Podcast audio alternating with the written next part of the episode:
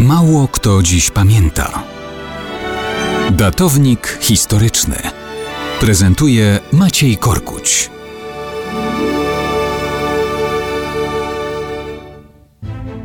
Mało kto dziś pamięta, że 30 listopada 1591 roku urodził się pod Smoleńskiem Andrzej Bobola, jeden ze świętych patronów Polski.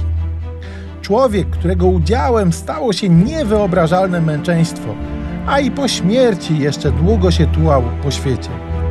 Bobola był jezuitą, kaznodzieją, nauczycielem, w końcu rektorem kościoła. Zasłynął poświęceniem w niesieniu pomocy zwyczajnym ludziom w czasie zarazy w Wilnie. Pełnił misję duszpasterską w zagubionych wioskach Polesia. Tam w czasie powstania chmielnickiego dorwali go kozacy, którzy wykazali się niezwykłym wyrafinowaniem w okrucieństwie. Oprócz bicia, wybijania zębów, było zdzieranie skóry z głowy i pleców, wybicie oka, obcięcie warg, języka. Wybaczcie Państwo, ale szczegółowy opis nawet po okrucieństwach XX wieku robi wstrząsające wrażenie. Zmasakrowane ciało zostało pochowane w zbiorowym grobie jezuitów w Pińsku.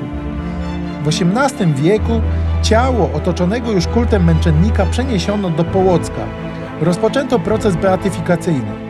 Ale w XX wieku, kiedy Połock znalazł się pod władzą sowiecką, bolszewicy wywieźli ciało do Moskwy, gdzie wykorzystali je jako eksponat w ateistycznej wystawie w Ludowym Komisariacie Zdrowia.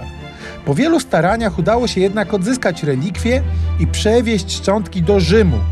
Stamtąd w 1938 roku w asyście wielotysięcznych tłumów w różnych miejscowościach sprowadzano je do Polski. W Warszawie uroczyście złożono ciało w jezuickim kościele pod jego wezwaniem. Tak się zakończyła pośmiertna tułaczka świętego Andrzeja Boboli.